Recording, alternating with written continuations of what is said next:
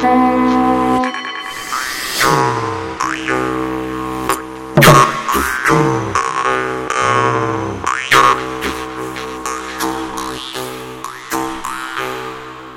ritu raksti. Labu dienu jums teica tradicionālās kultūras raidījuma laika ritu raksti vadītāja Iveta Medene. Šodien ar filozofijas doktoru Beatrisu Reidzāni un folkloras kopas Delve vadītājiem Ainu un Gvido Tobjiem runāsim par rituālu kā senu kultūras zīmi. Labdien visiem studijā! Labdien! Labdien.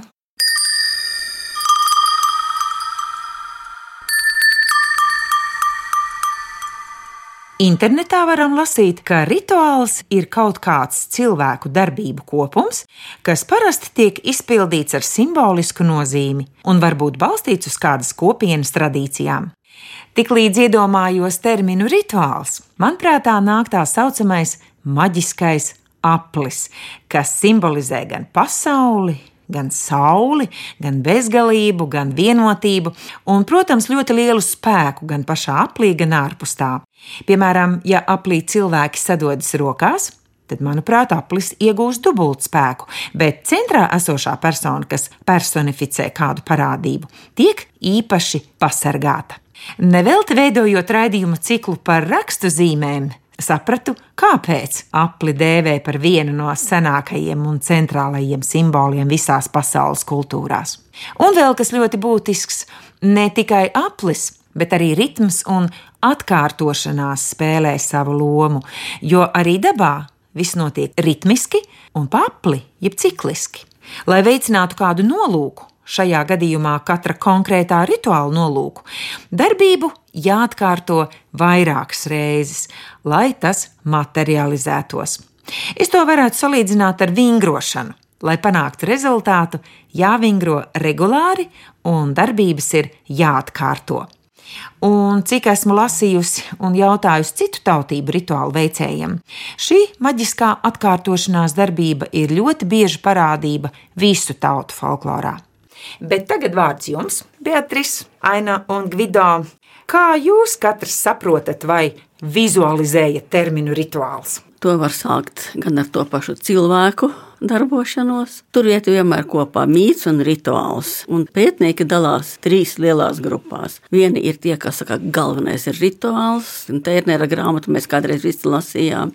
Citi saka, ka galvenais ir mīts visa pamatā, un ka rituāls ir tikai tas, kas izspēlē mītu, cik nu vien tas ir iespējams. Nu, un viena grupa ir, kas saka, ka tie abi ir cieši saistīti kopā, un tas nekas, ka tā valoda, kurā runā mīts, it kā nav absolūti saistīta ar to, ko dara dara rituālajā darbībā. Ka tas tomēr viens otru papildina, paplašina un to darbību intensificē. Tāpēc, ja mēs ejam ķekatās un dziedam to dziesmiņu, ķekatā, ļekatā, lecam kāļu dārziņā, lai jau kāļu kāpostiņi, no gadījuma vairumā neviens nekur nelēc. Mierīgi sēž vai no soliņa, varbūt pa istabas vidu palākā, bet šis teksts, kas ir pateikts, tas aizstāja rituālu. Tad tiešām ir tā ciešā saistība. Nu, un... Bet atvaino, Beatrice, bet bet tad jau iznāk, ka tomēr šī darbība ir veikta agrāk tieši tādā dārzā, lecot. Ļoti iespējams. jau apraksta to, ko dara. Tad, kad sāka kādus dārzus iekopt, tad jau māju nebija. Tad jau visi pulcējās kādā nometnē, pagaidu iekārtotās lietenī, un tad iziet ārā dārzā. Tas bija ļoti vienkārši. Nevajadzēja pat kājas aut. Viss jau bija gatavs. Un uh, runājot par to pašu apli, Elsa Siliņa, viena no pirmajām mūsu choreogrāfijas speciālistiem, kas apraksta, kā veidojas dejas un kad tās dejo, tad viņa runājot par apļa choreogrāfiju, izceļ to, ka cilvēki ir skatījušies dabā, kā tie dzīvnieki ko dara. Un pie apļa kompozīcijas viņa min kā piemēru Pieci vilki danci veda ap to lielo siena kaudzi. Lūk, tas aplis ir vērojams arī visās dzīvnieku dejās. Un līdz ar to, teiksim, mednieku dejās, ja skatās senajās kultūrās, tad tur arī tas parādās aplis. Nu, un, protams, pie ugunskura kā tam mēs stāvam. Gan Jāņu naktī, gan ja meteņos, kurina ugunskura ārā, tad visi mēs stāvam aplī. Aina un Gvido, kā jums ir ar apli vai kvadrātu rombu? Aplis ir ļoti laba zīme, kas attēlo pasauli, pasauli kopumā. Un tad vēl jāpiemina punkts. Katrs viens mēs esam kā punkts, un pasaule ap mums ir kā aplis. Un par pasauli runājot, var teikt, ka ir redzamā pasaule, ko dēvē arī par formu pasauli, Tā ir priekšmetu ķermeņa pasaule un ir neredzamā pasaule, kas ir spēku, enerģija pasaule, viņas abas miedarbojas viena ar otru. Un, uh, rituāls tā ir tāda secīgu, sakārtotu, laikā apzinātu darbību kopums, kuru mērķis ir atjaunot enerģijas līdzsvaru. Jo runājot vispār par pasauli un par rituālu, ir runa par formu un par saturu. Un es varu piebilst tikai skaistu sakām vārdu akmens, kas rit nesūno. Tā gan ir laba doma. Jo- Tā tiešām ir. Jo man rituāls ir kustība. Atkārtojamība uztur, un tā iekšējā būtība, jēga ir uzturēt, atjaunot un uzturēt. Bet tad jau iznāk, ka Latvijas dainas un arī visi lielie krājumi, tas ir sastindzis rituāls. Jo viņš nav kustīgs, kamēr tu viņu neiekustini, un neievibrini un neiedziedi. Jā, tā ir forma. Pie formas pieder visi rakstu materiāli, visas tautas tradīcija kopums. Rituāls atdzīvina ar enerģiju to visu, jo forma bez satura nedzīvo. Forma dzīvo pateicoties saturam, a saturs ir enerģija. Un rituāla dalībnieks ar apzinātu enerģiju to iekustina un liek tam ritēt un atjaunoties. Bet ir vajadzīgs kāds formas elements, kas pāriet no viena rituāla uz otru un it kā izraisa to vajadzību pēc šī te rituāla. Un, teiksim, tāds formas elements, kas pat pāriet no viena rituāla uz jauno rituālu, no senāka rituāla. Tāds formas elements mums ir Ziemassvētku eglīte, jo vecajiem latviešiem un barona dainās mums ir kāzu eglīte. Ja brauca lūgt kāzās, jātnieks uz zirga ar kociņa rokā nopušķotu. Un, ja jūs atceraties filmu Pūtveņš, tā ļoti labi parāda. Tikai to parasti gan nenesa sieviete, bet vīrietis nesa no līgavas radiem. Uzlika uz jumta kores eglīti, ka tur notiek tās kāzas. Un tāpēc, teiksim, tā meita, kas vaimanā, ka viņa slikts vīrs gadījies, viņa saka, labāk būtu to naktsniņu zem eglītes pasēdējusi. Tā eglīte ir tā, kas tur tā kā iejaucas viņas dzīvē un to samaisa. Un pēc tam pāriet uz Ziemassvētkos likt eglīti. Mums vienkārši ir tāda tieša reāla lieta, ko mēs paņemam un turpinām. Man ļoti patika, ka tu šīs lietas tā savilki kopā, jo es savukārt Ziemassvētkos vienmēr izdzīvoju seno mītu par saules meitas vedībām, jeb kāzām. Un Nu, tagad es saprotu, kādēļ es tos egļu zarus tomēr atnesu mājās un, un saspraužu ar savām griestu sijām, jo man vajag, lai tas eglis mūžīgais koks ir eh, šajās mītiskajās kāzās klātesošs. Jā, jau reālās kāzas senās Jā, ar egli jā. pāriet arī štais mītiskajās kāzās. Un, un kad tad nāk čigāni Ziemassvētkos, un kad tad nāk kūjnieki kāzās? Arī šīs abas lietas atkārtojās gan vienā, gan otrā vietā, viņas ir ieraugāmas. Sadzīviskajā, ja, un šajā īpašajā sakrālajā. jā, pārceltajā. Jā. Ieraugāmas lietas mūs vienkārši atgādina par to. Jā.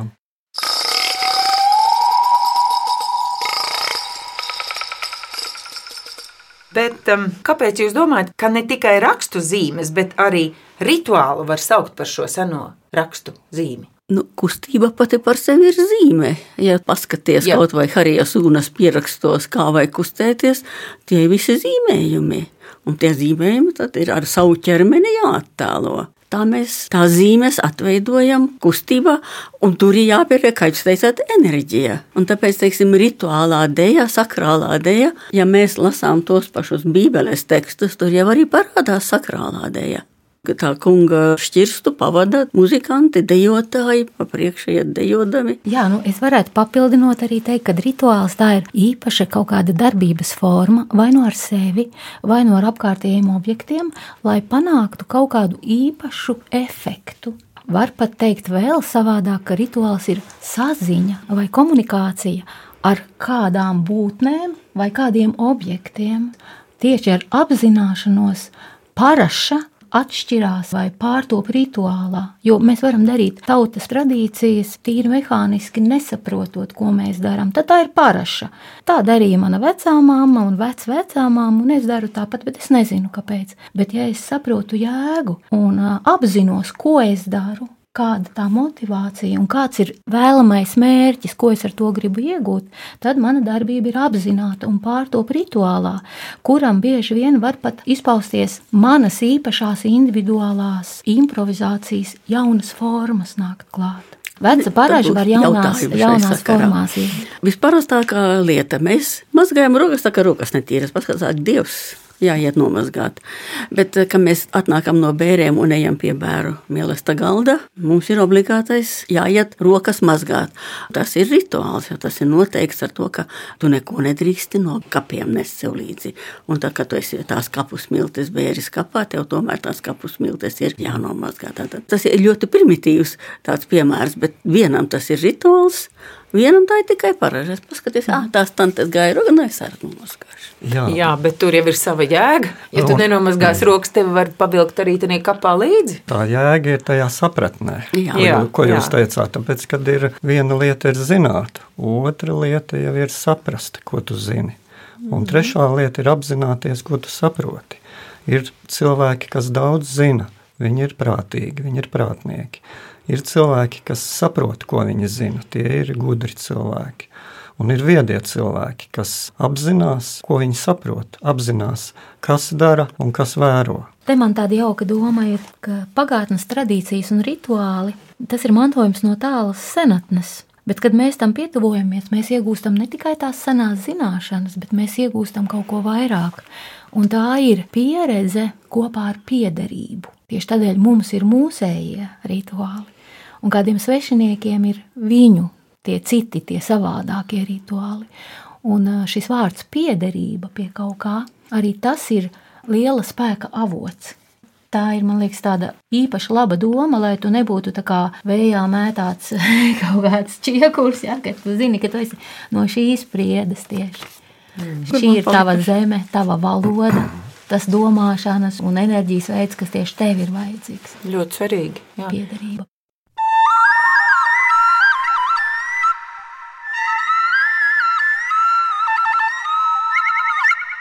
Nodziedāšu vienu tautas dziesmu un pateikšu, kāpēc tieši tā mani uzvedināja uz dažām domām.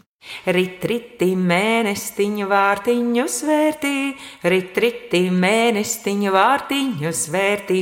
Nu nāca saulē trejādi viesi, nu nāca saulē trejādi viesi. Nāk tēvs, nāk māte, nāk balēliņi, nāk tēvs, nāk māte, nāk balēliņi. Nāk mazās māsiņas kā magonītes, nāk mazās māsiņas kā magonītes. Tieši šī tautas dziesma, gatavojoties šim raidījumam, pamudināja mani rituālus sakārtot, nu, sadalīt pēc nolūka un nozīmes trijās grupās. Jūs, protams, varat papildināt. Nu, pirmā varētu būt ar kultu un mītiskiem priekšstatiem saistītie rituāli, kā jau tu, Beatrice, sākumā teici. Tad otrs varētu ar cilvēka dzīves godiem un svinībām saistītie rituāli, un trešais ar gada laiku maiņām un saimniecības darbiem saistītie rituāli. Vēl kādi jums nāk prātā? Galvenie, manuprāt, jau arī ir. Nu, tie ir svarīgākie. Protams, Jā. mēs varam arī pateikt, ka katru dienu mēs atkārtojam tādas darbības kā ēšana. Ja šī ēšana ir apzināta un atkārtot, viņa mūs uztur pie veselības. Pie tam, ja viņi ir apzināti, tad mēs redzam un saprotam, ko mēs ēdam, kas mums ir vislabākais. Tāda vienkārša lieta, bet eh, viņa var kļūt par rituālu. Sadzīves rituāls. Jā, jā. Sadzīves jā. rituāls, jā. bet no ēšanas kultūra jau ir savā ziņā rituāls. Dažās ģimenēs sāk ar vakara lūkšanu, un tad tikai visi ēd. Dažs lapas atkal ar kādu dziesmu iesāk. Mm Mhm. -hmm. Katram jau tradīcija ir savādāka mājās, un- bet tas arī ir rituāls, ja tas notiek ritmiski katru vakaru. Ritmiski un ar sapratni, ar Jā. jēgu. Ir arī pieci rituāli. Tie it kā pieiet pie tiem saimniecības darbiem saistītie, jo, ja būsi netīrs, tālāk nekādas godas svinēt jau nu nevarēsi. Jā, jāsāk ar sevi. Kā tad?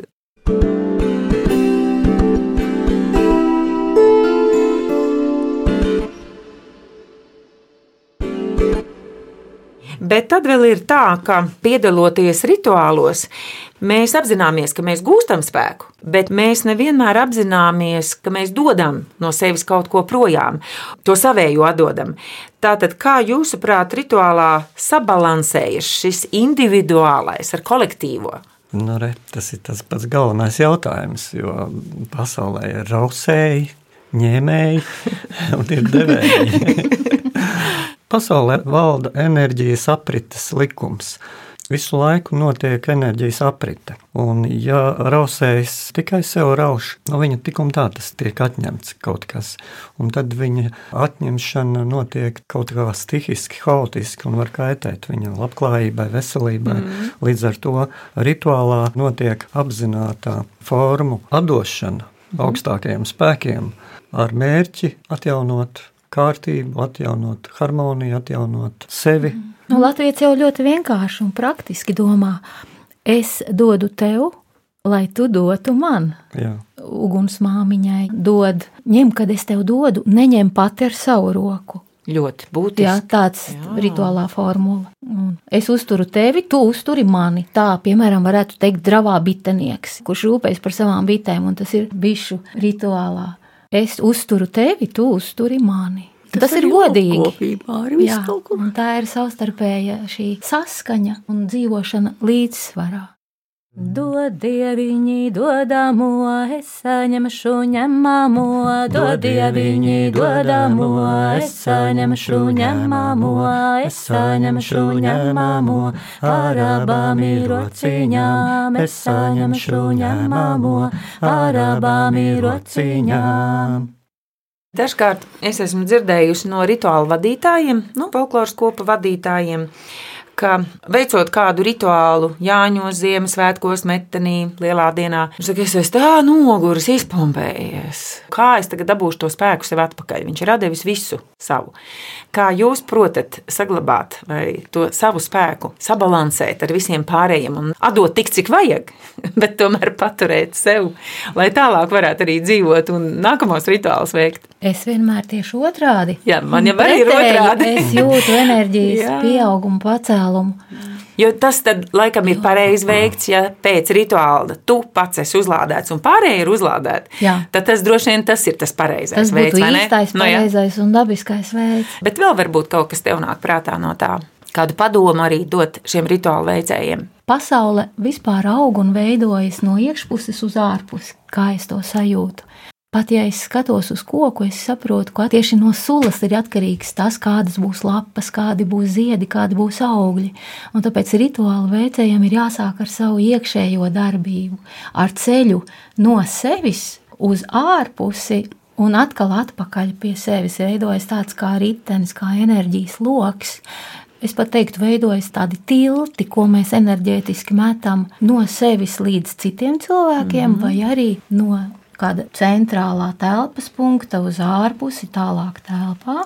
Un visas šīs enerģētiskās kustības, kā viņas veidojas un kā viņas aug, kā koki, kā ziedi, viņas nevar tev atņemt spēku tādēļ, ka pareizi darot, tu esi devējs un reizē arī saņem. Jā, un tas vienu kopīgu kaut ko veido. Un ir jau tā, ka enerģiju nevar uzkrāt, bet var vienīgi paplašināt tos ceļus, caur kuriem veidojās tā aprite. Bet mēs nevaram būt kā elektrostacijas uzņemt. Nē, bet patiesībā Tā jau- tālāk. Ne jau es esmu arī tā devēja, tas tā kā caur mani notiek, mm. caur mani tek un plūst. Pajautā avotiņam, vai var tevi kāds izdzert, taču nē. Es nekad rituālos neesmu viena, man apkārt ir daudz būtņu un spēku. It sevišķi man labs kontakts cieši ir ar mūsu senajām mātēm. Ja tu pasaulē jūties kā ģimenē, ja tev ir boši kļavi, bāleliņi, ja tev ir māsiņas apkārt, ja tev ir mātes apkārt, ugunsmāte, ūdensmāte, Lapu māte, Zemes māte. Sniega māte. Kā gan tu vari sajusties viens un nespēcīgs vai iztukšots? Viens un nespēcīgs cilvēks sajūtās tad, kad viņš domā, ka ir jācīnās par kaut ko. Un tad viņš cīnās ar savu spēku, kāds no viņam ir muskuļu spēks vai kaloriju spēks. Un tad, kad viņš to iztērē, tad viņš jūtās galīgi novārdzis un saplacis. Ja ir nodoms un mērķis, tad atliek vienīgi ļaut pozitīvai, jaukai domai lidot izplatījumā un materializēties. Šovakar, šovakar jāsim brāli pieguļā, šovakar, šovakar jāsim brāli pieguļā, liesim alūsiņam kumeliņa pēdiņā, liesim alūsiņam kumeliņa pēdiņā, lai tas manu zirgus gana šoganoja vasariņ, lai tas manu zirgus gana šogaroja vasariņ. Bet kā tas ir? Tradīcija, šis rituāls un improvizācija? Tradīcija ir vajadzīga, jo tā mums atgādina par tādām pastāvīgām, mūžīgām vērtībām. Protams, ka pieredze darot, viņa arī izsijā to, kas tajā brīdī ir vērtīgs priekš tevis. Es gribu teikt, nevajag baidīties. Vajag paņemt mūsu pašu senču tradīcijas, cik nu mēs viņas varam aptvert un atrast, izpētīt, likt lietā. Vajag ar nodomu iet un darīt, nebaidoties arī no jaunradas, nebaidoties no sava personīgā spēka. Jeb šo es redzu, ka tradīcija ir kā senas drupačas, ko senči ir atstājuši uz sava galda, bet mēs varam viņas paņemt un ne jau jaunu maizi atkārtot, bet paņemt par ieraugu un cept savējo. Pavisam vienkārši redzējuma noslēgumā varu ieteikumam tādu ikrīta rituālu pēc pamošanās.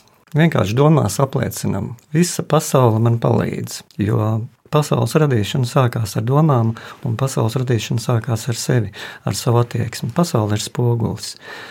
Ja mēs to katru rītu atkārtojam, visa pasaule man palīdz tas sāks darboties. To jūs redzēsiet.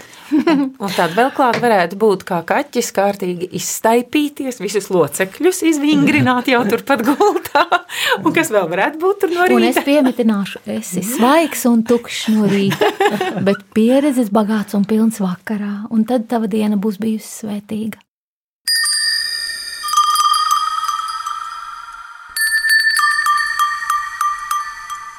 Raidījuma nobeigumā gribētu teikt, ka rituāla veikšana balstās uz pamatīgām tautas tradīciju zināšanām, bet arī improvizācija ir pieļaujama, jo improvizācija ir dzīva dzīve. Un, ja tu nedzīvo dzīvo dzīvi, tad tu tēlo. Bet vēlreiz atgādinu, ka improvizēt var tikai tāds, kam ir pieredze un zināšanas, un kurš to zina veikt īstajā laikā un īstajā vietā. Paldies visiem par sarunu! Tradicionālās kultūras raidījumā laika ritu raksti par rituālu, kā senu kultūras zīmi runāja filoloģijas doktora Beatrice Reidzāne, folkloras kopas dēlve vadītāji Aina un Gvido Tobji, skaņu režijā Reinis Budze uz sadzirdēšanos nākamajos laika ritu rakstos.